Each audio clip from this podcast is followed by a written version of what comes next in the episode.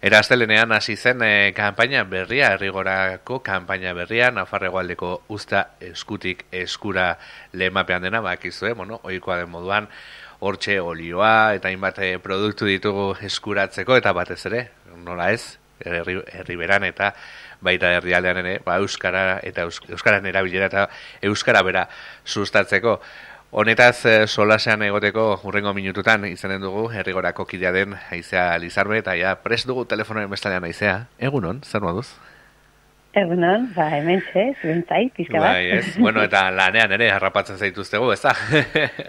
Hori da, bai, egun hauek, ba, kampaina erdian, e, ba, bueno, e, batzutan er, eromena bihurtzen diren egunak, mm edo, bueno, edo lasaiak ere orda, bueno, ba, oraindik e, horretan. bueno, egia da, hor abiada bizian doala e, kanpaina, bueno, berria, berez urtero errepikatzen dena, baina hortxe, e, baitugu kontserba, kolioa, eta ezein baite produktu, e, diot abiada bizian, ze uste dut irakurri doala, ja da, arroza, ja, agortu egin dela. Eikara garria da hori? Bai, egia da, eh, aurtengo usta e, ez dela izan e, beste urte batzuetan bezain ona. Orduan, e, bagenekien gertatuko zela, eh? Orduan, e, bueno, espero genuen pizkatxo bat gehiago irautea, baina egia da, e, gaur ja da, e, arroza agortuta daukagula orduan.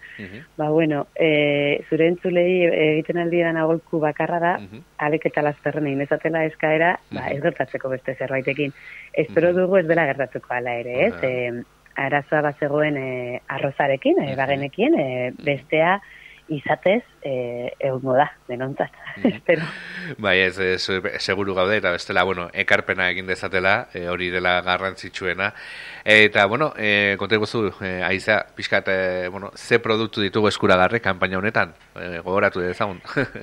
Hori da, ba, e, oso ondo esan duzun bezala, e, kanpaina honetan berriz loteak e, despentsa urte osorako betetzeko mm deia egiten dugu errigoratik, eta orduan ba, aurkituko ditugu, ba, bueno, e, barazkiak, bai mm, ba, olako lote batzuetan da, nazian, ja, e, ba, bueno, barazki bakarra daukaten loteak ez, edo menesta, edo kardoa, edo orburuak, e, zainzuriak eta piperrak, igual horiek bira beti gehien, etxe gehienetara iristen direnak, tomatea, e, txitsirioak, babarrunak, horiek kontserbetan, baina e, lekaleak ere badira lehorrean ere e, arroza katalogoan ikusiko duzu, baina esan du ba, ez dagoela, ja, eskatzeko aukearik.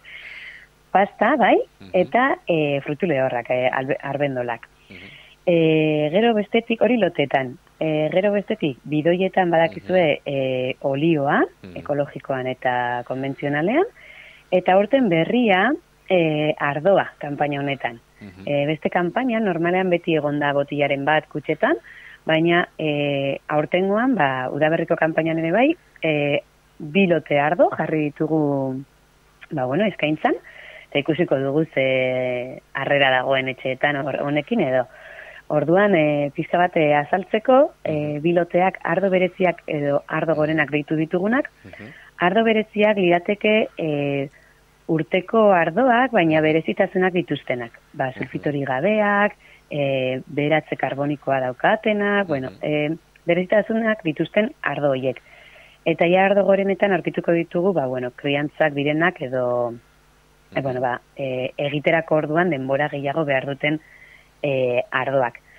E, ez dira mm, ekoiztetxe batekoak denak izango, baizik eta e, lau upategirekin egiten dugu lan errigoran, eta e, lauen, bueno, lauek batera egindako loteak dira. Orduan, ba, bueno, e, berritasuna eta ez dakigu. E, etxetan gustokoa izango duzuen, edo ez?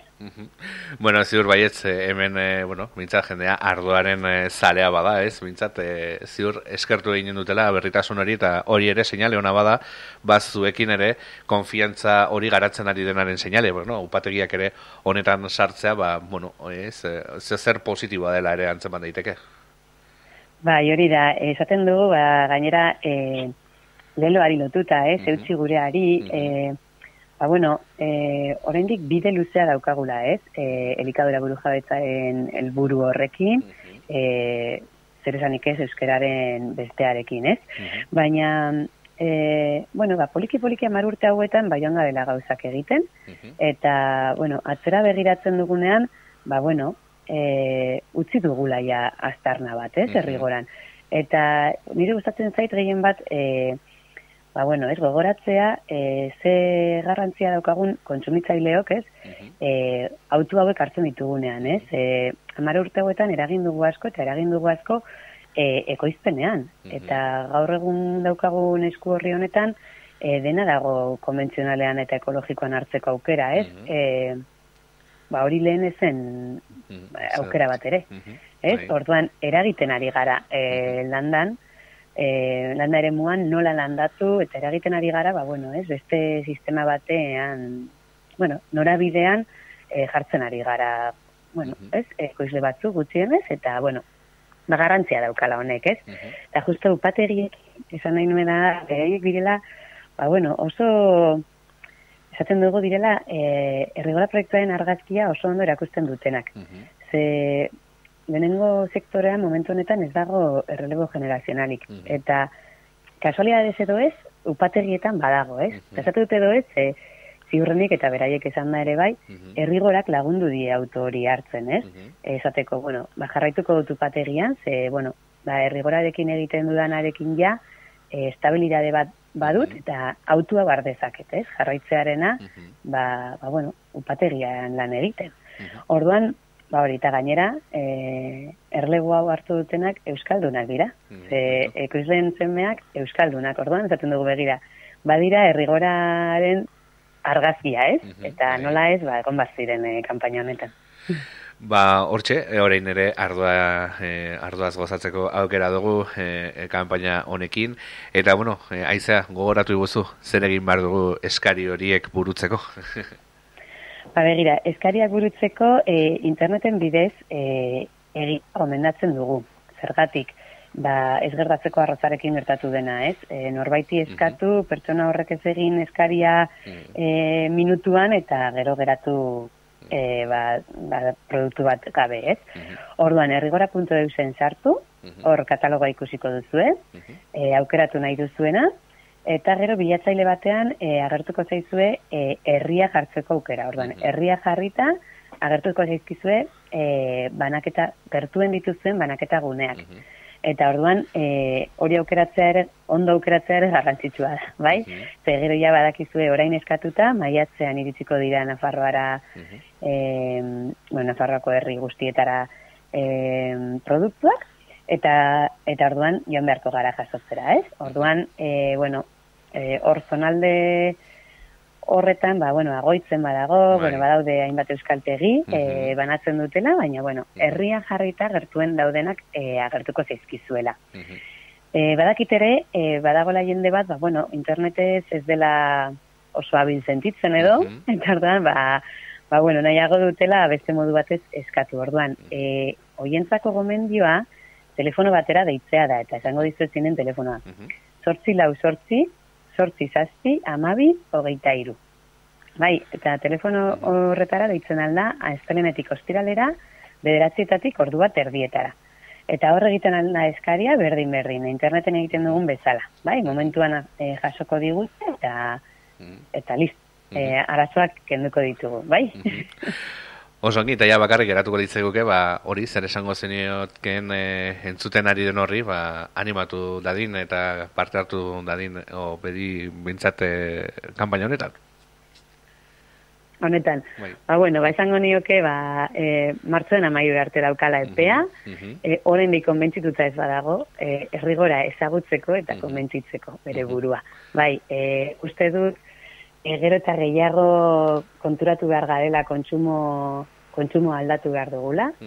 e, eragin behar dugula ere bai e, gure ingurukoan, e, bai ekonomian eta bai, bueno, ba hori ez, esaten nuen bezala lehen, e, zer jaten dugun horretan, eta kontsumitzaileok gure autuak ondo hartuta, ba, badugula e, nola eragin. Ordan hori da esango niekena, zure entzunde guztiei, ba, animatu daitezen gutxienez errigora ezagutzen. Bai, mm -hmm. errigora, ba hori, e, hainbat zutabe ditu, mm -hmm. kampaino gehiago jorratzen ba, bada ere e, elikadura buru jabetza, ba, bueno, ere bai, e, zonaldean euskarari babesa emateko autua badu, eta, eta uste dut hori ere bai e, garrantzitsua dela e, bizigaren, e, bueno, hemen egualdean bizigaren ontzat. Ba, bueno, hortxe geratzen da esana, aizea Lizarbe, mi esker gurean egon izanagatik, plazer bat uh, izan da, e, zuekin parrekatzea momentu txo hauek, eta, bueno, kampaina bertatik bertara ezagutzea. Eta, hoxe, ba, bueno, ongi joan dadila kampaina, ber jende animatzen den, eta, hoxe, ba, esker mila, bezarka bat. Ba, bai, esker mila zuei, e, tartetxoa emateagatik, eta eta listo, bai, egongo gara horrengo kanpainan ziurrenik, eta, mm -hmm. eta animatu, mm -hmm. ba, bueno, errigora ezagutzen.